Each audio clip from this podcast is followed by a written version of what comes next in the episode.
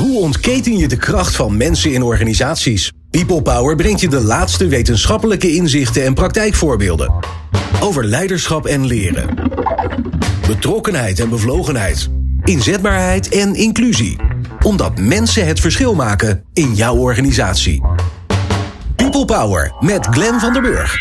De People Power Helpdesk behandelt elke maand brandende vragen van luisteraars over onderwerpen als personeelstekorten, gezondheid, discriminatie, organisatieverandering, leiderschap of werkgeluk of iets anders wat met werk te maken heeft. Drie eigenwijze experts geven hun ongezouten ideeën en oplossingen en vragen natuurlijk mij eerst allerlei andere vragen over de context waar we geen antwoord op hebben, maar dat uh, is altijd weer spannend. In deze aflevering bestaat het panel uit en daar zijn we natuurlijk heel blij mee. Uh, professor Rick van Baren, hoogleraar gedragsbeïnvloeding en uh, daarnaast zeer succesvol ondernemer. Professor Aukje Nauta, uh, nou ja, die heeft ook een hele rits achternaam. Auteur van meerdere boeken, adviseur uh, op uh, allerlei mooie gebieden. Ook hoogleraar, enhancing individuals in de dynamic work context. Oh, ik ken hem uit mijn hoofd. Jeetje, Mina zegt, duurt een paar jaar, maar dan heb je wat. en Tika Pema is de gast, trainer, auteur en oprichter van vistraining en dus ook ondernemer. Nou, kortom, mensen die veel meegemaakt hebben in hun leven, ook al zijn ze nog heel jeugdig. En die kunnen we allemaal mooie vragen stellen. Uh, ondertussen kun jij uh, mee kijken en luisteren. Natuurlijk via New Business Radio, maar ook via de LinkedIn livestream. Uh, dus we zwaaien even allemaal naar je. Hallo allemaal, dag kijkers. je kunt je vragen stellen via LinkedIn Live. Als je een comment intikt bij de livestream, dan zien wij hem op ons scherm. Tenminste, ik zie hem op het scherm komen. En dan kan ik je vraag stellen aan onze leuke gasten. Maar we hebben ook een aantal vragen natuurlijk voorbereid voor deze People Power Helpdesk. Fijn dat je luistert. Dit is de PO Power Helpdesk. Toets 1 om een vraag te stellen over leiderschap.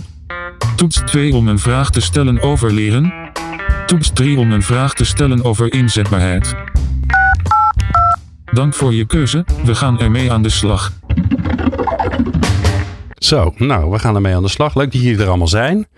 Um, ja, eerst maar even beginnen met hoe is het eigenlijk met jullie? Rick, je bent de enige man van het stel, dus ik begin gewoon lekker bij jou. Ik identificeer me ook als dusdanig, dat scheelt. Ja? Oh. Ja, wel goed eigenlijk. Ja, dat moeten we Ja. eerst checken. Sorry, excuus ervoor. Drukke periode gehad, maar eh, de zon Gehad? schijnt weer. Ja, ja. Oh, Veel dus- te veel lezingen, eh, workshops. Ik eh, deed veel te veel. ja, maar Dus- nu is het rustiger. Nu is het rustiger. Ja, dat is Oké. fijn. Ja, bij mij is het een beetje, an- nou ja, niet andersom, maar deze maand is echt, ik weet niet wat er gebeurt. Iedereen wil alles, einde van de vakantie erin proppen volgens mij. Ja. Ja, maar mooi. Aukje, hoe is het? Hoe Nou, gaat het? Ja, dan zeggen mensen tegen Ja. je, hoe gaat het met je boek? Oh ja. nee, maar het, het, het voor de hand liggende antwoord op de vraag hoe gaat het met je is goed. Ja. omdat we eigenlijk niet durven te zeggen hoe het eigenlijk echt gaat. Dus eh, nou, met mij gaat het enerzijds hartstikke goed. Eh, met, met het boek gaat het goed. Het is nog niet een bestseller. Dus, eh, Oh. Terwijl mensen het wel een page turner noemen. Dus dat is dan een, Wat een, heb je een liever? aanrader. Eh, ja, natuurlijk. Nee, beide natuurlijk. En, ehm, eh, ja, en voor de rest, ja, ik, ik, ik vermaak me wel. Ja, dus ja, dat, dat ja. wel. Ja. Ja, en, nou, maar het kan, kan ook altijd beter. Nee, het gaat eigenlijk eh, heel goed met me. Ja, mooi. Nou, als het niet zo is, mag je het ook zeggen hoor. Dan gaan we jou gewoon helpen vandaag bij de Helpdesk. Tika, hoe is het met je? Goed hoor. Ja, ja klaar. Zo, Klaar. Door. Nu naar die vragen. Hè? Dat was niet de bedoeling van het programma. Ja? Ja, ja ik, ik vind het heel druk. Ja, want ik vind het ook wel spannend om, zeg maar, eh, meestal is het zo dat je in het eh, eh, eh, training- en opleidingscircuit is een van de eerste sectoren waarbij je het merkt als mensen onzekerder gaan worden in de markt. Maar daar heb je nog geen last van. Nee, het is heel druk. Ja. Ja. En, en wat onzeker dan? Nou, Opdrachtgevers o- of... Oorlogje in Oekraïne, inflatie, Oh, zo. alle, alle economische signalen zijn niet heel best. Nee. Nee, nee, daar merk ik nog weinig van. Nee. Nee. Ik merk wel veel dat mensen onzeker zijn in organisaties. Daardoor krijg je ook wel veel werk. Ja, ja. Dus dat is, ja. Gelukkig wel. Ja. Nou, eh, laten we daar maar eens dan mee gaan, gaan beginnen bij de eerste vraag. Ehm, ik, ik, het is wel leuk voor de luisteraars om te weten. Ik vertel jullie nooit wat de vragen zijn. Dus jullie kunnen je niet voorbereiden. Dus dat is extra knap dat jullie straks met briljante dingen komen. Ehm, en dan de grote vraag is natuurlijk, waar haal je de vragen vandaan? Nou, ik roep er me- meermaals op om vragen te sturen. Maar ondanks het feit dat er toch best wel veel mensen luisteren, krijgen we weinig binnen. Eh, overigens, als ik dat check bij radiostations, eh, dan zeggen ze ook van ja, bij ons is het ook niet zo druk hoor. Mensen luisteren vooral gewoon graag. En dat wil niet zeggen dat ze ook heel erg op zitten wachten om mee te doen. Ehm, maar ik was laatst op een congres waar ik dagvoorzitter was. Dus toen dacht ik, ik had mijn microfoon bij me. Dus ik dacht, nou, dat is, eh, dat is mooi. Met allemaal HR-mensen. Dus die heb ik lekker gevraagd of ze een vraag hadden. Dus we gaan naar de eerste. Ik ben Charlotte van Tongeren. Ik werk voor Lekker Bezig van Centraal Beheer. En uh, op de woensdag gaan we nu langzaamaan weer allemaal naar kantoor. Alleen merken we wel dat het lastig is om de tijd in te plannen. Hoe ga je nu weer van thuiswerken naar kantoor? Plan je efficiënt je tijd in? Uh, heb je ook nog tijd om met collega's te overleggen of is uh, lekker te lunchen met elkaar? Hoe pak je dat nou aan, die transitie te maken van het thuiswerken weer naar kantoor te gaan? Nou, dit is een beetje waar elke organisatie in Nederland mee zit. Uh, maar het leuke is wel, natuurlijk helemaal wordt er dan gevraagd hoe implementeer je het hybride werk. Maar dit, deze is veel persoonlijker eigenlijk. Van hoe moet ik dat eigenlijk doen als mens? Ja. Dus wie, uh, wie borrelt er gelijk over? Nou ja, ik, ik borrel wel over, want ik word hier regelmatig op bevraagd. Uh, door door, door uh, radiojournalisten, krantenjournalisten. En onlangs was dat ook weer het geval. Want heel veel werkgevers die, hebben die hebben zoiets van: oh, hoe moet dat nou? En die gaan dan hun mensen weer verplichten om naar kantoor te komen. Nou, dat is natuurlijk een heel slecht idee, want mensen houden er niet van om verplicht te worden. We weten allemaal wat de basisbehoeftes van mensen zijn. Het zijn onder andere autonomie. En dus is mijn eerste advies van: ja, ga gewoon met kleine teams overleggen wat nou eigenlijk goed werkt. Hè. Doe dat participatief met inspraak van je mensen. Want als je samen een plan maakt voor wanneer werk je thuis, wanneer werk je op kantoor, hoeveel willen we elkaar zien, dan is er veel meer draagvlak en is ook veel meer succes dan wanneer je dat als een soort van Elon Musk oplegt van thuiswerken mag wel, maar dat doe je maar in je vrije tijd. Ja, doe je maar als je ontslagen bent. Dat kwam het een beetje zelfs op neer volgens mij. Ja, als zo weet je wel. Ja, zei, Ja. Je mag, als je 40 uur op kantoor bent geweest, mag je daarna thuiswerken. Ja, Precies. dank je de koekoek. Hè? En toch succesvol ondernemer zijn. Hmm, Ja, voor de korte termijn. Ja. Nou ja, goed, hij, hij, hij onderneemt al even. Maar eh, de kans is natuurlijk wel groot dat hij heel veel van zijn mensen opbrandt. En dan is hij zelf wel succesvol. Maar de vraag is wat de omloopsnelheid van zijn personeel is. Ja. Het grappige was, ik, ik, ik luisterde vorige week naar, eh, dat ben ik fan van, eh, Work Life. Dat is een podcast van Adam Grant. Ja, ik ook. En ehm dat is een prachtige podcast. En deze ging over het hybride werken. En het viel me zo tegen. Want ik Oh, kwam ja? het viel me echt. Ja, dan denk je echt. Wat was wa- de hoofdboodschap dan? Nou, de hoofdboodschap was: eh, zorg ervoor dat mensen drie dagen op kantoor zijn. En spreek af wanneer. En zorg dat je teams nu allemaal bij elkaar is. Hmm, dus, maar. Ja. nou, nou, Amerikaans gewoon. ja. Dus Ja. daar is het toch veel directiever dan hier. Waarbij Nou ja, hier in Nederland zie je het af en toe ook wel. Hè. Bij het prachtige bedrijf Rijkswaan verwacht men ook dat men allemaal naar kantoor komt. Hè. en ja. ja, dus, dus terwijl dat eh, bedrijf bekend staat om zijn ja, prachtige werkcultuur, veel aandacht voor mensen, geen flexcontracten, iedereen vaste baan. Maar dan hebben ze ja, een hele sterke cultuur. Hè. Namelijk van eh, ja, je, je moet elkaar zien en spreken. En, Ja. en daarvoor is die ontmoeting heel erg belangrijk. Ehm, maar ja, dan nog is het heel erg belangrijk om met, ze, met je mensen in gesprek te zijn over die werkcultuur. En in ieder geval uit te leggen waarom het zo ontzettend belangrijk is Ja. om elkaar vijf dagen per week te zien. Ja. Rick, het is ook, we, we komen ook weer in een ander, ehm, in een ingewikkeldere wereld voor mijn idee. En ik ben wel benieuwd hoe jij dat ziet. Voor, zeg maar, corona hadden we alles lekker ingeslepen. We hadden lekker onze gewoontes, hoe we naar ons werk gingen. Toen kwam corona, moesten we enorm wennen. Alleen ja, het voordeel was, eh, de verandering was zo groot dat iedereen wel moest. Dus thuiswerken, ingewikkeld, hoe doen we dat? En nu krijgen we straks, als je bij een beetje een leuk bedrijf werkt, de keuze. Wanneer werk ik thuis? Wanneer werk ik op kantoor?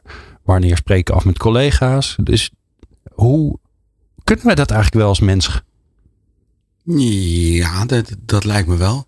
Ja, dit, dit is eh, ontzettend aan de hand hè, op, op dit moment. Ehm, ik denk dat het, het grootste probleem is toch een probleem van duidelijkheid is. Van wat, hè, waarom zou je het een of het ander willen vanuit eh, bedrijfsbelang en uit werknemersbelang? Waarom zou je willen dat mensen wel of niet aanwezig zijn? Eh, vanuit welke taken? Ehm, wat, is wat zijn eigenlijk de kaders die je mee wil geven? Van, maakt het in jouw werk uit of is het belangrijk dat je aanwezig bent? Geef mensen kaders. Zeg maar. dit willen wij, eh, dit willen wij, dit zijn onze strategische overwegingen. En dan inderdaad, wat jij zegt, van hoe ga je dat klein lokaal per team invullen? Maar eh, de vraag moet niet zijn: ga je naar kantoor of blijf je thuis? Het moet veel, veel georganiseerder zijn. Van, hè, voor deze taken wil ik hier, voor die taken kun je best daar doen. Overleg, overleg dat lokaal. Maar de, de onduidelijkheid is nu dat het, het echte gedrag wat je van mensen vraagt nog te abstract is. Ja, Het gaat niet, die term hybride werken, eh, vreselijk. En ik, ik zie alleen maar van dat soort plannen. En ik, ik ben toevallig ook voor de, eh, voor de Radboud Universiteit doe ik dit. eh, help ik mee bij de taakgroep hybride werken. En het eerste wat je moet doen is gewoon concretiseren. Wat verwacht je wanneer van iemand? En als je die kaders meegeeft, dus gewoon dit zijn de kaders, dan kun je de daadwerkelijke uitvoering, die kun je prima collectief doen. Maar wij, wij halen onze handen ervan af. En we zeggen, ja, zoek het maar uit. Of uh, de eigen regie. Ja, eigen regie is, is hartstikke leuk als je kaders hebt. Niet, gewoon niet denken dat men. Kijk, je kan ook te veel autonomie hebben, zeg maar. Mensen willen autonomie hebben, mensen willen verbondenheid hebben, mensen willen duidelijkheid hebben, hiërarchie hebben. Mensen willen van alles. Dus dat, daar gaat het mis. En dat is sowieso niet alleen bij hybride werken, maar bij ongelooflijk veel issues is het vergeten te concretiseren, is een probleem. En inderdaad, wat je aangeeft, dat je uh, dan geen inspraak hebt of dat je het niet eigen maakt, zeg maar. Dat je het oplegt. Dus dat zijn twee bijna tegengestelde problemen, maar ze zijn er en ze komen heel veel uh, uh, voor. Ja, dus je moet zorgen voor duidelijkheid. Wat willen we eigenlijk? Wat verwachten we eigenlijk van jullie? En waarom? Ja. En waarom? En, en vervolgens zeggen in dat, in dat kleine team, daar heb je de afspraken te maken. Ik was grappig, jij zei, ja, dit hybride werk is een vage term. Je moest ook aan een hybride auto denken. Die schakelt ook zelf over. Hè? Dat doen wij niet als bestuurder. Het is niet dat wij als bestuurder denken: oh, oké, ja, ik, uh, ik rij nu daar. Ik ga nu eens even op de gewone motor, op de verbrandingsmotor rijden. Dat ding doet het allemaal vanzelf. En dan vinden we hybride heel leuk. Maar in dit geval moeten we zelf ook heel veel gaan nadenken. Ja, maar bepaal, je bepaalt wel zelf of je minder of meer dan 50 km per uur rijdt. Zeker, ja. Ja, ja. De nou metafoor is een allegorie geworden. Ja, mooi. Mooi moment. Ja, nee, ik ben voor allegorieën. Zeker omdat ik daarmee weer een nieuw woord heb geleerd van Rick. Ik ga zo opzoeken wat ah, dat is voor jullie. Um, Tika, in het team bepalen. Dat is ook leuk. Jij bent van de teams. Je hebt daar verstand van. Want jij coacht dat soort uh, uh, samenstellingen van mensen. Wat is de rol van die leidinggevende daar dan in? Wat moet die dan doen? Nou, ik ben wel heel erg, uh, hoewel ik het soms ook een moeilijke term vind, van de kaders. Dus ik sluit heel erg aan bij eh, Rick. Maar wat ik nog wel interessant vond, is dat er allerlei. Heb je dat gezien? In het begin allerlei trainingen werden ontworpen. Hoe, je, hoe mensen weer terug konden komen op het werk en weer een gesprek met elkaar konden voeren. En ik heb, daar, ik heb daar een keer een post over geschreven dat ik dat echt onzinnig vond en belachelijk. Uh, daar kreeg ik echt heel veel commentaar op. Van, waarom? Waarom vond je het onzinnig en belachelijk? Nou, omdat ik denk dat mensen best een gesprek kunnen voeren met elkaar. Nou, dat, valt volgens mij ja, of, tegen. Of, of ze konden dat al nooit. Nee. Nou ja, ze grijpen. Ik, ik vind het heel verstandig dat bedrijven dit aangrijpen. om mensen eindelijk eens te leren hoe ze een goed gesprek kunnen voeren. Want dat kunnen we eigenlijk helemaal niet. Nee, oké. oké. Maar ja, ik, ik vond die hele beweging best wel een beetje gek. Dus ik dacht, we, we weten nog niet waarom we terug moeten. Dus, dus uh, uh, waarom. Uh, precies wat Rick ook zei, weet je wel. drie dagen, ik hoor ook allemaal bedrijven die zeggen je moet drie dagen zijn of twee dagen, terwijl je nog helemaal niet weet hoezo. En ik dacht, ja, mensen kunnen dat volgens mij veel meer bepalen ook wel in een team. En ik denk wel dat, dat je een gesprek moet voeren precies daarover. Joh, wanneer kom je wel, wanneer kom je niet. Maar dat, dat mensen daar best wel wijsheid over hebben. Maar ik vond die hele beweging om dan heel erg te gaan bemoeien met hoe mensen dat dan doen met elkaar. Ik heb ook al veel teams gezien die, waar veel gedoe was. En op het moment dat ze bij elkaar kwamen, met wat, uh, dan was er toch ook wel weer een hoop opgelost. Hm. Vond ik. Ja, wat ik wel interessant vind van deze soort rare reset die we hebben gehad. Um, dat was een beetje een conclusie die ik trok. We hebben altijd maar een beetje wat gedaan. Dus we gingen naar zo'n kantoor, zo'n gebouw. En hmm. dan stuurden we mensen naar binnen. En dan gingen we werken. Maar we hebben eigenlijk, als ik voor mezelf spreek, ik heb eigenlijk nooit geleerd hoe ik nou op een effectieve, efficiënte manier kan werken. Hè? Dus wat doe je waar, wanneer? Wanneer kan ik het best nadenkwerk doen? Wanneer kan ik het best geconcentreerd gaan schrijven? Ik, heb daar, ik ben daar nooit in opgeleid. Ik ben daar ook nooit echt in geholpen. Ik ben daar een beetje door schade en schande wijs door geworden. Maar in organisaties nu, als je hybride gaat werken, zeg je ja, nee, je moet natuurlijk zelf vooral indelen wat een handig moment is voor jezelf, uh, wanneer je welk werk doet. Maar dan denk ik, ja, als niemand dat weet, ja, echt. En dus moet je deze resetperiode aangrijpen voor een echt goed gesprek, wat niet alleen gaat over wanneer ben je op kantoor en wanneer werk je thuis, maar wat houdt je werk eigenlijk in? En wanneer ben je productief? En wanneer ben je waardevol aan het werk? En hoe wil je samenwerken? Dus het is toch een, een prachtige gelegenheid om het juist met elkaar te hebben over getting hoe doen things we het eigenlijk? En ja. wat, wat voor waarde wil je toevoegen aan de wereld? Ja. Ja, Rick staat een beetje. Nee, of nee, nee, of hij heeft een beat in zijn hoofd en hij staat te hupsen. Nee, of, uh... uh, natuurlijk, beer interessant dit. Uh, het enige probleem wat ik voorzie is dat je toch dat dingen als dingen onduidelijk worden, dat je ook makkelijker in inertia vervalt. Ja. Maar het voordeel van structuur is dat je niet hoeft te kiezen wat ik nu doe. En hoe flexibeler dat is, hoe meer je denkt, ah, ik kan wel even dit of ik kan wel even dat. Of ah, ik zou eigenlijk tijd, tijd moeten inruimen om. En dan doe je dat niet vandaag, doe je het ook niet morgen, maar dan ga je het woensdag doen, zeg maar. Dan vergeet je het woensdag weer. er is iets moois aan voorspelbaarheid en structuur natuurlijk. En ik, je, je vraagt ook best veel energie en planningsenergie van mensen als je dat helemaal loslaat. Dus daar, het is meer gewoon een gedachte. Dat ik denk, ja, wat aardig wat problemen waarvoor wij gevraagd worden in organisaties gaan ook. Oh, dan, ja, dat gaat over structuur uiteindelijk. Daar ontbreekt er een structuur en dan raken mensen expliciet of impliciet in de stress. En dan ga je een structuur maken om dat op te lossen. En dat ja, voorzie ik hier ook wel een beetje. Zeg maar, als we dat, als we dat niet ja, echt goed cheffen. Ja, nou en wat, wat, uh, maar die structuur die kun je met z'n allen maken. Dat betekent niet dat je er continu moet, alleen maar moet praten over die structuur. Maar ik heb ooit eens in een, in een soort van productiviteitstraining geleerd. Je moet onderscheid maken tussen baaswerk en werkwerk. En baaswerk is meer planwerk. Gewoon van de, de kaders die je dan alleen of met z'n allen uh, uh, maakt. En werkwerk, dat is de, de, de werkelijke uitvoering. Dus ja, dit is misschien wel een moment waarop je met z'n allen ietsje meer baaswerk doet. Om samen met z'n allen die kaders gewoon helder te concretiseren. Waarna je des te productiever het werkwerk kunt doen. Ja, wat ik ook vooral bedoel is ook, ook planmatig. Hè? Dus dat, dat, dat ik bang ben dat mensen het per week of per dag gaan bekijken. Terwijl het voor, uiteindelijk voor de meeste mensen fijner is om iets gedaan te krijgen als je weet, ik heb elke woensdagmiddag om twee uur doe ik dit. Elke donderdag doe ik dat. Hè? Ja. Mensen zijn natuurlijk zo op zoek naar automatisme. En ja, of sterker nog, op maandag en dinsdag werken, op woensdag ben ik vrij. Ook, ja. Nou, dus dat is, dat is een beetje wat ik denk, ja, oké, daar zou ik op letten. Ja. Maar, maar, dat is toch niet wat er nu aan de hand is in een organisatie. Ik zie vooral mensen die helemaal vol zitten. Ja. Uh, dus, dus alles gaat weer los. En ik zie alleen maar mensen die net bijgekomen zijn van corona, nog ineens. En nu zich helemaal de takken werken. Um, en er ook niet uitkomen, want de markt is niet goed. Dus het is ook nog, hè, het is nog ineens goede resultaten. Dus ik vind het wel een heftig dus, dus wij verzinnen hier, ik kan ook wel een hoop dingen verzinnen, maar ik denk ook, ja, de, ik ben wel heel erg op zoek in organisaties wat we doen met een soort van overdrive die nu speelt. Het was een vriendin van mij uit Curaçao over, die is heel, heel vaak in Nederland. Die zei, wat is er met jullie aan de hand? Jullie lopen de hele dag te stressen. Het lijkt alsof er heel veel geld weer is. En uh, er is niemand die een beetje normaal kan doen. Hm. Uh, vond ik ook wel interessant. Ja, wat daarin ja, meespeelt is natuurlijk ook het personeelstekort. Hè? Ja. van dat we met z'n allen heel veel werk met te weinig mensen moeten doen. Ja, ja. ja en... Maar kan het een toch ook niet met het ander te maken hebben? Dat, je, dat het gewoon wat, wat onvoorspelbaarder en onverwachter nu is? Dat, je, dat, je, dat wat meer ruis is van hoe doe ik het, waar doe ik het, uh, doe ik thuis of niet? Of, Er zit toch iets minder duidelijkheid in. Ik kan me, ik kan me best goed voorstellen dat dat uh, meespeelt. Ja, dat denk ik ook wel. Maar zou het dan weer niet slim zijn om onvoorspel als onvoorspelbaarheid structureel is, heb ik altijd geleerd, dan kun je het inplannen, toch? Ja, ja. ja en ik weet ook niet zeker of je, of je helemaal gelijk hebt. Want Maandag is mijn onvoorspelbare dag. Ja.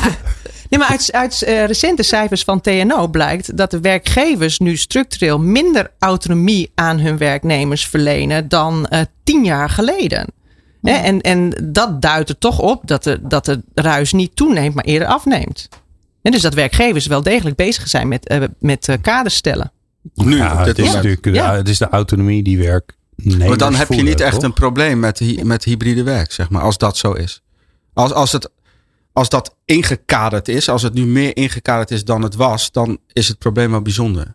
Dat is het ook. Ja. ja. En, eh, en, en, wat dat betreft is het, eh, is het ook een beetje raadselachtig. Hè? Want uit die cijfers van TNO blijkt dat werknemers nu juist meer autonomie ervaren. Terwijl werkgevers van hun werknemers denken dat ze minder autonomie ervaren. Oh. Dus het is heel.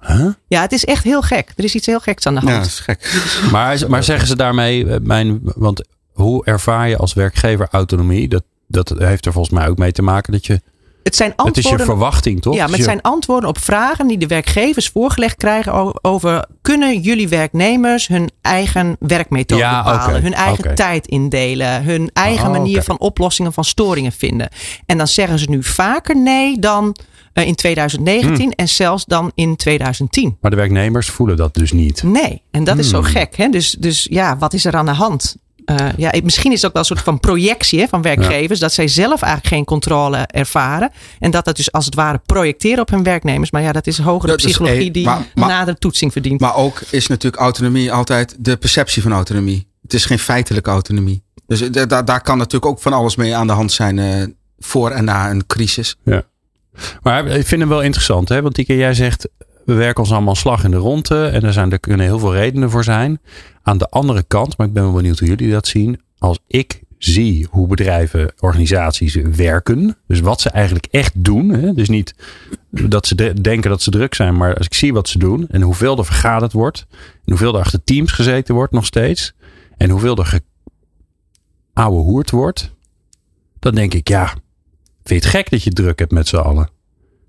Dus ik vind het ook wel weer interessant, want het is een beetje ons vak om daar bedrijven ook bij te helpen. Maar als ik zie wat er gebeurt, denk ik, ja, schiet het nou een beetje op, jongens? Zijn we nou, zijn we nou, lukt het nou een beetje om die organisaties gewoon ja, wat, wat slimmer te laten werken met z'n allen? Of is dat gewoon. Is het, ja, maar waarom moet dat eigenlijk, Glenn?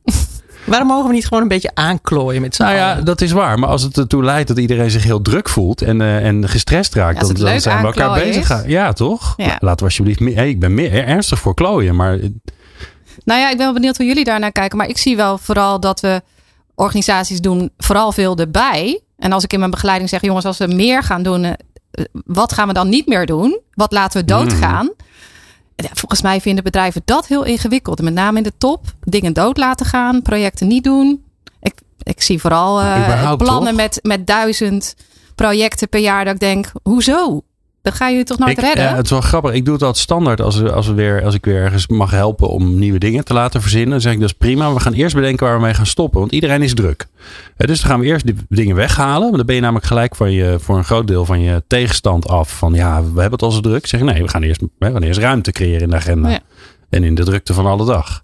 Dat vinden mensen moeilijk hoor. Ja, het is ook de norm om druk te zijn. Jij zei net ook uh, van, goh ja, ik heb het druk. Hè? Ja. En, en dat, is, dat heeft iets aan de ene kant, hmm, hmm, iets, ja, Hè? En, maar het heeft ook iets van status. Ja. Als je het oh, niet druk hebt, oh, dan, dan ben je eigenlijk een beetje sneu. Ja.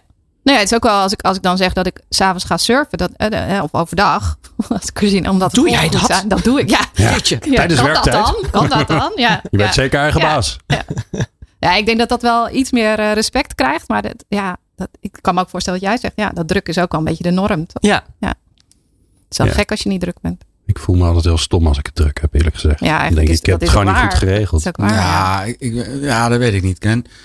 Als je een bedrijf hebt met allemaal medewerkers die uh, hard werken, die hard hun best doen, dan vind ik niet dat je als uh, leidinggevende of als baas gewoon even lekker kan chillen. Nee, dat, dat vind ik niet het voorbeeld. Nou, wel als, als ze over de kop werken en dat je denkt, het is niet oké, toch, in mijn bedrijf? Nee, maar dan zou je dat een soort collectief met je bedrijf moeten afspreken. Van hoe ga je daarmee om met die, uh, met die uren, met die inspanning, ontspanning.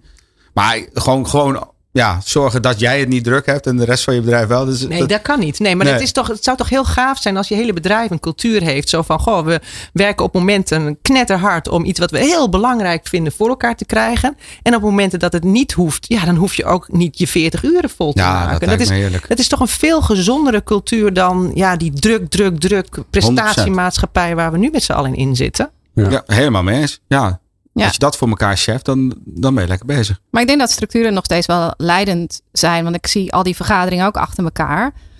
En ik vind het altijd zo interessant dat als er een uur voor staat, dan vergaderen mensen ook een uur. Dat is toch ook gek? Ja, Wat dat betreft, of langer. wat dat betreft vond ik het heel mooi uh, hoe een hoogleraar ooit eens vertelde tegen mij zo van ik heb altijd afspraken van een kwartier. Want als het een kwartier uh, in de agenda staat, dan duurt het ook een kwartier. Ja. Dus, dus er is nog heel veel te winnen op, op hoe, het, hoe het efficiënter kan. Zodat het daarnaast ook leuker kan. Ja, nee, daarom. Zodat je ook gewoon lummel, veel lummeltijd hebt. Gewoon vaak een mand kijken. Mand. Mand. Ja, ja, to the point. Mand. Ja, ja voor iedereen die denkt... heb jij nou enige, enige ja. enigszins de indruk dat dit een antwoord op de vraag is? Uh, er zit vast ergens een. Ja, kijk, er zit vast ergens een, een, deel van een antwoord van de vraag op. Ja. Nou, wat ik, als ik resume over Flaké, um, want die vind ik wel heel erg mooi. Uh, Rick, jij zei. Um, ga, ga, oh, ga wel structuur bieden. Dus zorg voor houvast. Want dat hybride werken, dat kan ook een soort van uh, zoek het lekker met z'n allen uit. Want alles kan en alles mag.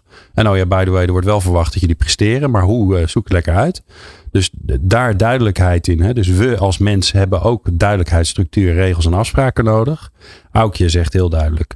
Spreek het met elkaar in dat team af. Want je moet het met elkaar doen. Hè? Um, um, en als je dat toch aan het doen bent, gaat dan gelijk hebben over waar het eigenlijk om gaat. Namelijk, hoe werken wij samen met elkaar? Hmm. En hoe zorgen we ervoor dat we gewoon lekker kunnen werken en dat we niet zo om elkaar allemaal zes rondjes uh, om elkaar heen rennen en maar druk lopen te zijn. prachtig zijn. dus spreek ook gelijk af hoe je dan vergadert en wanneer je vergadert. En dat het in een kwartier, dat je best wel veel dingen kan doen. Ja. Oké. Nou, dat was vraag 1. Het gaat hartstikke goed, want we zijn al bijna halverwege. Dus uh, hè, zoveel vragen heb je helemaal niet nodig. Um, even kijken. Volgens mij moet ik naar ProRail. Ja. Een vraag van uh, Lopke Pardoel van ProRail. Komt ze. Ik sta naast uh, Lopke Pardoel van ProRail. En Lopke, uh, waar, waar worstel jij mee binnen de organisatie? Binnen ProRail is, is echt een, um, een groot vraagstuk is de digitalisering en hoe we de mensen daarin mee kunnen gaan krijgen. We hebben best wel een medewerkersbestand met heel veel uh, trots werkt aan het spoor. Uh, maar dat al heel veel jaren op dezelfde manier doet. En we zien gewoon dat er naar de toekomst toe andere dingen nodig zijn. En nou, hoe krijgen we de mensen daarin mee? Dat is echt een uitdaging voor ons. Ja. Nou, volgens mij naar de uitdaging 2 waar iedereen wel mee worstelt digitalisering uh, verandert heel veel. Heel veel dingen gaan, uh, gaan snel anders. En uh, hebben dan ook eens een keer niet een klein beetje iets anders. Hè. Dus we gaan niet tegen andere ha hamer gebruiken. Maar we gaan helemaal geen hamer meer gebruiken. We gaan nu iets met dingen met een computer doen. Ben je bij wie allemaal het al? redelijk. Ja, redelijk. Ja, Tika? Nou, dit, ik vind het wel een mooie vraag ook. Um, maar ik, wat, wat me ingewikkeld lijkt, is dat als je uh, iemand die iets heel anders gewend is, iets nieuws laat doen. Dat ik denk dat als organisaties vaak denken, is heel leuk wat er aankomt. En, uh, uh, en als er al weerstand is, dan vind ik altijd dat we, dat we veel te snel gaan. Dus dat we zeggen, joh, goed dat je het zegt. Dat hebben we dan wel geleerd, hè, dat we de weerstand omarmen. En dan vervolgens zeggen, nou dan zou je dit kunnen doen of dit kunnen doen. Volgens mij gaat dat veel te snel. Dus mm. ik zie waar we bij mensen, het is ook gewoon een beetje een rouwproces. En ik, dat mogen nu gelukkig zeggen in organisaties. Dat er ook gerouwd mag worden. En ik denk dat we daar nog wel veel te ongeduldig in zijn. Aha.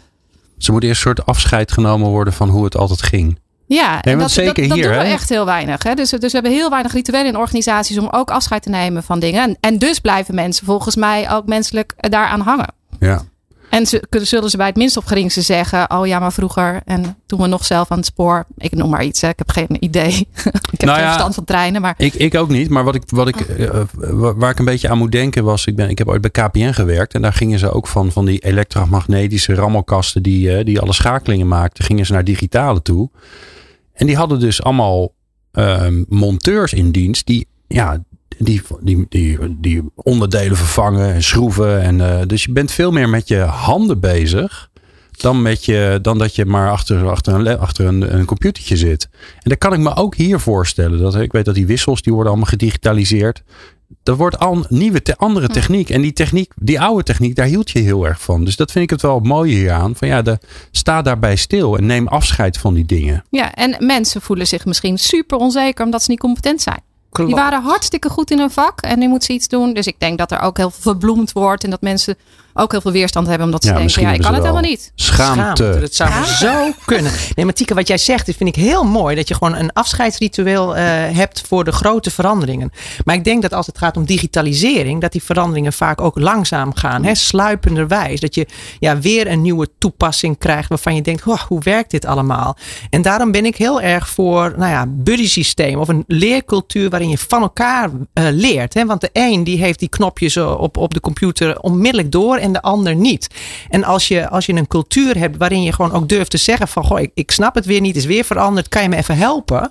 Uh, dan komen we met z'n allen veel verder dan wanneer je denkt dat je het allemaal meteen maar perfect moet, uh, moet kunnen. Ja. Ja, dan zou je volgens mij ook in de cultuur het stellen van een hulpvraag veel meer als een kracht kunnen Zeker. gaan. Ja, niet als mensen dat kunnen. Precies, niet voor niks hebben het vaak over durf te vragen. En er is heel veel schroom om hulp te vragen, omdat je denkt ik zal wel een sukkel zijn. Er is ook vaak schroom om hulp te bieden, omdat je denkt dan vindt de ander mij vast een bed weten. Ja. En ja, zo'n cultuur kun je eigenlijk het beste doorbreken door zoiets als een buddy systeem of intervisie uh, ja, heel erg uh, gewoon te maken. Ik ben heel erg voor dat iedereen leert hoe die een intervisie kan begeleiden. Ja. Want als je een intervisie kan begeleiden, dan kun je ook een goed gesprek voeren. He, dus, dus ga niet mensen uh, een, een, een coach geven die dan duur betaald intervisie gaat uh, geven. Maar zorg dat je iedereen intervisiebegeleider laat worden. Zo, want in een intervisie, uh, dan werp je altijd een vraag in de groep van, oh hier heb ik moeite mee, dit kan ik niet. En dan gaan de anderen helpen. En stiekem leer je meer van de ander Mhm. helpen dan van hulp eh, vragen. Ja, en het is, dat vind ik ook mooi. Het is ook zo mooi gestructureerd. Hè? Tenminste, de intervisie die ik heb gedaan. Daar zit gewoon een hele mooie structuur in. Door eerst gewoon überhaupt te snappen. Waar gaat het eigenlijk over? Dus je wordt ook gedwongen om goed te leren luisteren. Absoluut. En dan kun je ook, heb je vaak ook nog hele grappige methodieken. Zoals de roddelmethode. Oh ja, dat iemand zich omdraait. Ja. En dan gaat de ander zo van. Ja, hij snapt er helemaal roddelen. niks van. Hè? Dus liefdevol, het moet wel een Ja. beetje liefdevol. Ja. Eh, maar juist dan ja, kom je met z'n allen verder dan... eh, Ja. eh, ja, wanneer je denkt dat alles maar kan. Mocht u een intervisietraining willen doen, dan kan dat vast bij Tika. Heb je een intervisietraining eigenlijk? Doen jullie daar niet aan? Nou, we begeleiden het wel eens. Ehm, ik, ik heb zelf ook een intervisieclub, al eh, de 15 jaar volgens mij.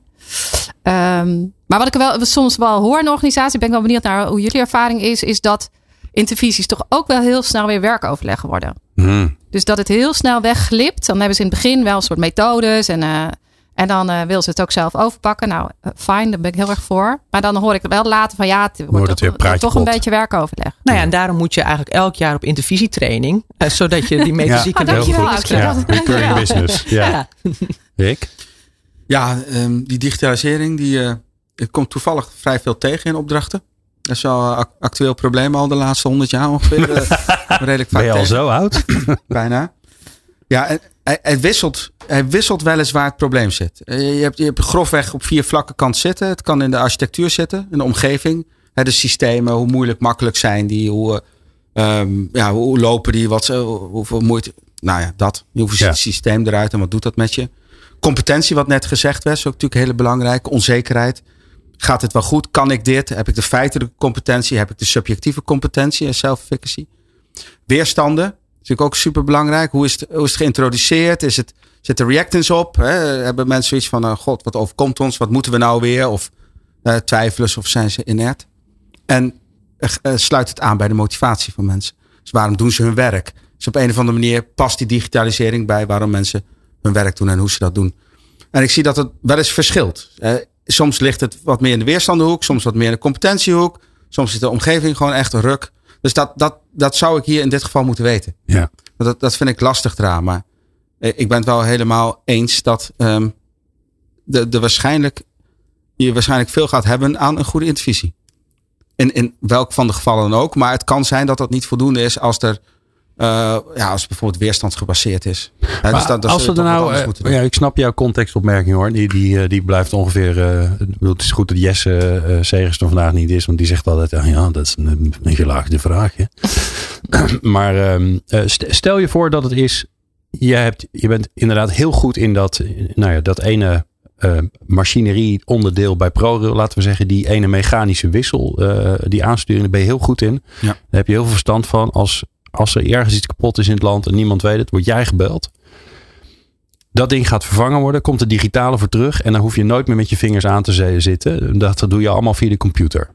Dus iets waar je heel goed in bent en van houdt, bijna van zo'n apparaat. Je weet precies wat erin zit en hoe het werkt. En oh ja, ik ruik het al. Dat ene koolstoffiltertje is verbrand. Ja. Eh, Sorry, maar Glenn, hoe je de vraag stelt, denk ik dat je het antwoord ook al weet. Nee, ik weet het niet. Nee, nee, nee, nee, maar, nee, maar, nee, nee, nee, nee, Nu komt de vraag. De vraag is: hoe ga je er nou voor zorgen dat iemand toch eh, uiteindelijk enthousiast en blij gaat worden van datgene wat er voor in de plaats komt? Ja, die, die, dan, als, als, zoals je de vraag stelt, dan is de eer en trots op het werk wel een belangrijke eh, factor hierin. En eh, de eigenwaarde die mensen krijgen door dit, deze, dit specialisme te hebben. Dus dat zou je dan moeten koppelen aan die digitale variant. Ja. Ja, of je gaat in een soort rouwproces inderdaad. eh, en je weet dat je dit verliest. En dan moet je eh, zingeving elders eh, gaan halen. dat kan ook binnen het werk, maar ja, dat, zoals je hem verwoordt, ja, dan zit je echt op vakmanschap en op trots. En dan moet je kijken of je dat kan koppelen aan deze situatie. Maar dat, dat Ja. lijkt mij.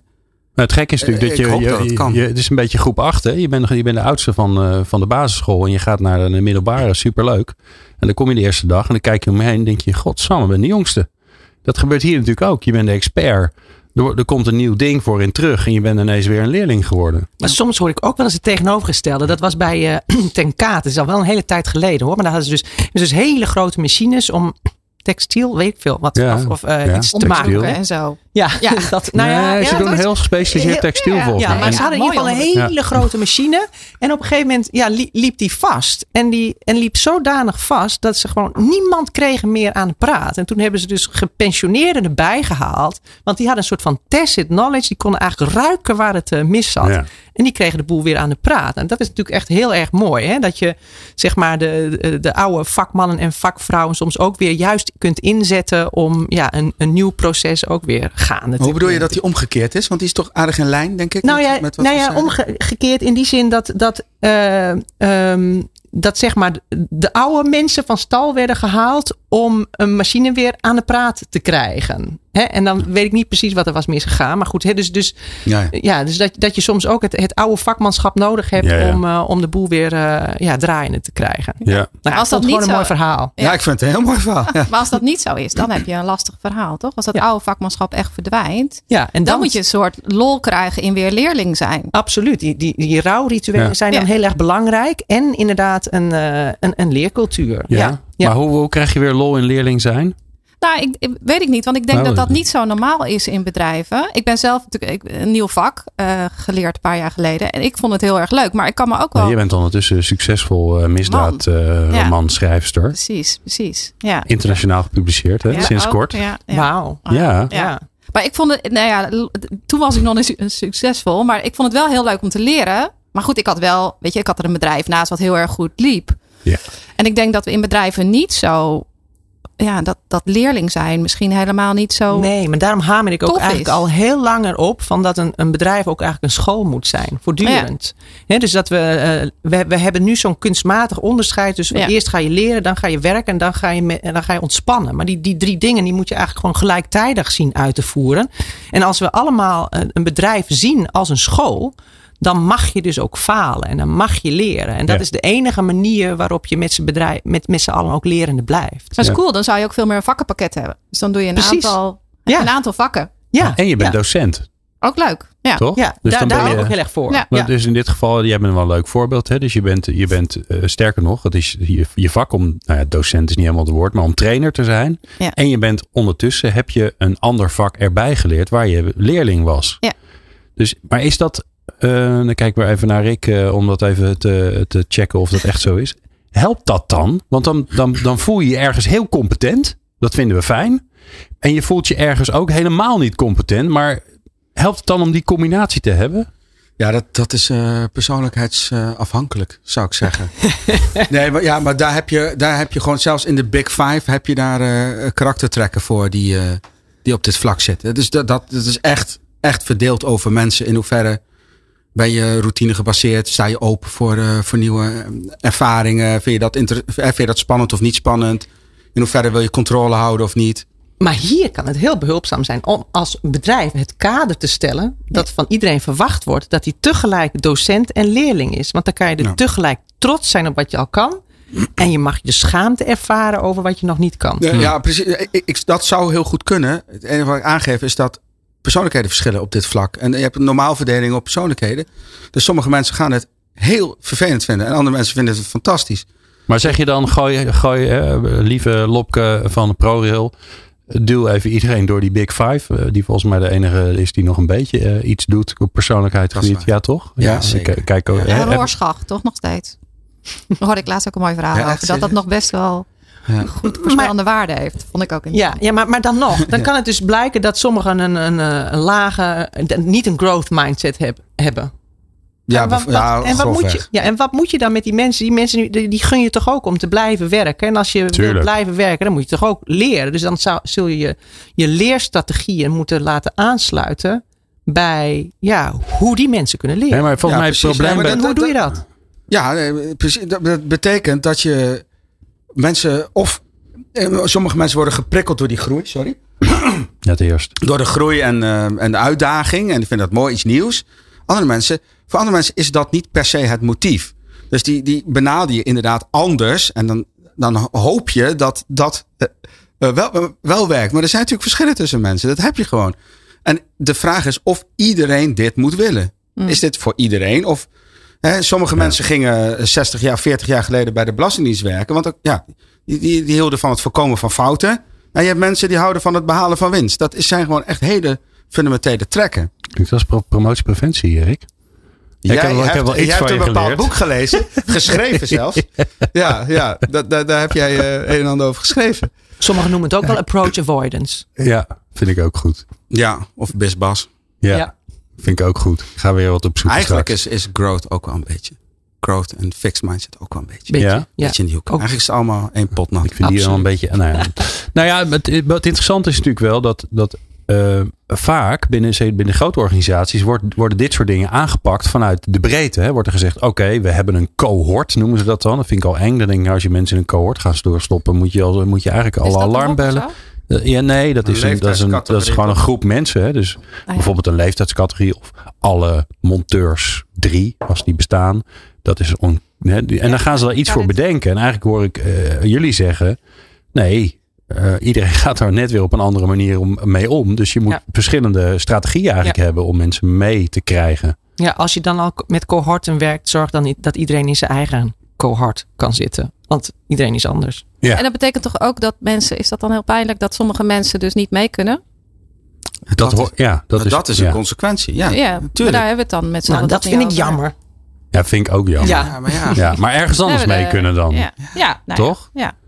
Zeker, zeker, als technische mensen zijn, dan bedoel je dus zoveel vraag naar. Precies, maar dan moeten we dus toch leren van hoe je ook mensen die van nature geen uh, growth mindset hebben, uh, toch stapje voor stapje kunt mee uh, bewe laten bewegen in wat ze eigenlijk toch zouden moeten leren. En volgens mij is het niet zo zwart-wit dat je een growth of een fixed mindset hebt. En nee, volgens mij ligt dat ook heel erg zwart-wit in de psychologie. Nee, nee. nee maar dat, dat, zeg ik ook niet. Ik zeg dat je rekening moet houden met de persoonlijkheid eigenschappen van mensen. Ja, maar ik, ja, ja, dat is een fundamentele discussie. Van, ga je de mens aanpassen aan het werk? Of ga je het werk aanpassen aan de mens? Of ga je het allebei een beetje doen? Ik vind het eh, lastig hier. Wordt hier op het randje, het randje wordt dit, toch? Ja, nou ja. Echt op het randje. Wat gaan we doen? Nou, ik vind het, ja, ik heb daar wel een mening over. Ik, ik, ik vind, ik vind, het, ik vind dat, dat er veel te veel uh, mensen aangepast worden aan het werk. Terwijl als je het andersom doet, is het veel makkelijker. Want mensen veranderen is best ingewikkeld. Daar weet ik alles van. Ja, En jij zegt dan nee, het is heel eenvoudig hoe het proces in elkaar zit, weet ik. Want daar ben je heel goed in. Maar om uiteindelijk resultaten te krijgen is best ingewikkeld. Anders zouden we allemaal eh, gestopt zijn met roken. Gewoon juist uh, methode hanteren. Maar is het niet allebei een beetje? Hè? Ik pleit eigenlijk voor de onderhandelbare werkrelatie. Hè? Van bovenaf heb je vanuit de organisatie een paar kaders en belangen. Vanuit de organisatie waaraan je moet voldoen. Elk individu heeft een paar, uh, paar belangen en concerns. En ja, als je, als je dat met, met, ja, gewoon gaat onderhandelen met je baas. Ja, dan kom je uiteindelijk verder uh, dan wanneer je iedereen door dezelfde mal uh, haalt. Of wanneer je als individu zegt: ik moet zo en ik kan niet anders. Dus ja, gewoon een beetje flexibiliteit. Ik krijg ineens een, een, soort metafoor, dat nog geen allegorie is, maar een metafoor. Gebeurt dat vaker of niet? Dat je ja, dat ik moet denken aan, aan zelfgekozen huwelijken en uh, gearrangeerde huwelijken ergens. Zeg maar, daar, daar zie ik een soort parallel in. Van, ben je gewoon bij elkaar gezet en oh, nu je hier toch werkt, gaan we er het beste van maken? Of mag je ook gewoon kiezen wat past bij me? Waar blijf ik? Jij verandert, sorry. Het is voorbij, schat. Ik ga even verder. Het past, we passen niet meer bij elkaar. Daar, daar, volgens mij heb je daar ook wel over hier. Met, moet je alle, alles bij elkaar willen houden? Zeg maar. Nou, ik denk als je zo'n grote organisatie hebt, dan kan dat bijna niet. Ik denk alleen wel maar het is wel een eh, grondhouding, hè? Van gaan we, ja, ja. ik, denk dat je, ik denk dat je als werkgever heel goed moet zorgen voor je mensen. Dat wil niet zeggen. Dus als het moment dat iemand jarenlang fantastisch werk voor je heeft gedaan. En, uh, en er is gewoon geen, geen werk meer. Het past gewoon niet. Dan moet je gewoon heel goed voor iemand zorgen. Zeker als je een grote organisatie bent. Dan moet je gewoon zorgen dat iemand weer fijn ergens anders gelukkig wordt. Hebben we het over partner, partneralimentatie? Hebben we het dan over? Nee, dat is afkoop. Dat vind ik wat anders. Nee. Je moet, gewoon, je moet gewoon nieuwe liefde zoeken eigenlijk. Nou ja, en, en, en je moet een duidelijk onderscheid maken tussen de taak en de mens. Hè? Dus als inderdaad iemand niet meer bij de taak past, dan kun je dat tegen diegene zeggen. Maar dan is het menselijke aspect daarvan om iemand gewoon een coach te geven, waardoor die ook weer nieuw werk hmm. kan vinden. Dus het, het, het, ja, het kan allebei. Maar het is wel mijn ervaring dat we dat hebben we altijd net over het goede gesprek, dat, dat we dat heel lastig vinden in organisaties. Klopt. Gewoon ja. tegen iemand te zeggen, joh, het past niet meer. Nee. Dus ik zie heel veel mensen die ja, waarvan anderen ook altijd zeggen, ja, die voldoen eigenlijk niet meer. Al een tijdje niet. En in, groepen zie je in teams, ik begeleid veel teams, dat het echt heel ingewikkeld is. Klopt. Dus we een zijn soort heel ondergrens erg... van, uh, weet je, waarvan iedereen zegt, ja, dat, ja, hij redt het gewoon niet. Dat, dat, dat weet iedereen behalve die persoon in kwestie. Dat Ja. vind ik wel heel heftig. Heel erg. Ja, we hebben heel veel zachte heelmeesters in de organisaties. Gedoog, gedoogbeleid. ja. Terwijl uiteindelijk daar weinig menselijks aan is om iemand te laten doormodderen. Ja, dus zorg ervoor. Dat, vind ik ook. Maar Zo. ook scherp zijn, denk ik. Je zorgt ook voor iemand als je juist heel eerlijk bent. En Ja. dat stukje mis ik wel vaak. Nou ja, iemand heeft ooit het smerige, het, de smerige eh, voorbeeld tegen mij gezegd. Een goede vriend zegt het als je oren vies zijn. Dat kun je namelijk zelf bijna niet zien. Ehm, maar dat geldt hier natuurlijk ook. Als je een goede leidinggevende bent en je denkt, ja, dit gaat hem gewoon niet worden. Dan moet je dat gewoon zeggen. Ja. En dan moet je daarna zeggen, we gaan voor je zorgen. Ja. En sterker nog, dat zeggen, dat, zeggen dat het gewoon niet gaat betekent- passen, dat hoort bij de zorg. Ja, dat betekent ook dat we tegen leidinggevenden gaan zeggen dat ze, dat ze niet goed genoeg zijn. Oh, alsjeblieft, ja. Dat hoor Toch? ik toch ook niet zo heel vaak. Nee. Nou, ik hoor wel heel vaak dat er heel veel leidinggevenden niet goed zijn. Ja, dat wel. Ja, ja. Maar laten we Toch? eerlijk zijn. Ja. Het is, is- zelf vind ik het ook heel erg moeilijk hoor. Ik om ook, om ja. hartstikke eerlijk en open tegen iedereen altijd maar te zijn. Dus, dus laten we ook accepteren met z'n allen dat het Dat is verdraaid moeilijk is om Ja. goed, goed leidinggevende te zijn. Ja. Rick, wat... eh, Ja, nee, dat, dat, dat, ja? dat, dat wou ik precies dat. Je zou, maar- je zou maar leidinggevende zijn. Nee, ja, nee. Maar dan, dan zit je, kijk, wat uiteindelijk, je hebt, kijk, als ik het heel plat sla, ik, ik krijg natuurlijk altijd opdrachten, maar ze doen het niet. Ja. De medewerkers doen het niet. En dan kijk je daarna en dan zie je, nou, eh, stap 1 is ongeveer de leidinggevende. Wat, wat is de invloed van de leidinggevende daarop? En die is dan vrij groot. Maar de leidinggevende zit ook in een systeem. Die, die, die, zat, die krijgt ook allemaal prikkels uit de architectuur, zeg maar, uit de omgeving. Waardoor die persoon ook niet heel veel anders altijd kan.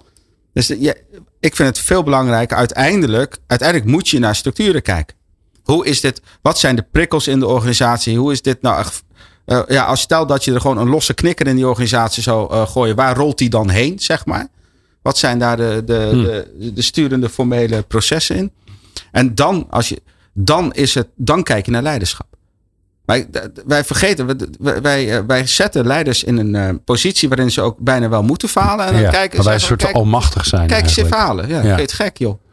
Ja. Oh, mooi, ja. ja, ja ik sprak laatst met, eh, met Jesse Zegers. Dat was niet in deze uitzending volgens mij. Maar ondertussen wordt het ook een grote blur in mijn hoofd.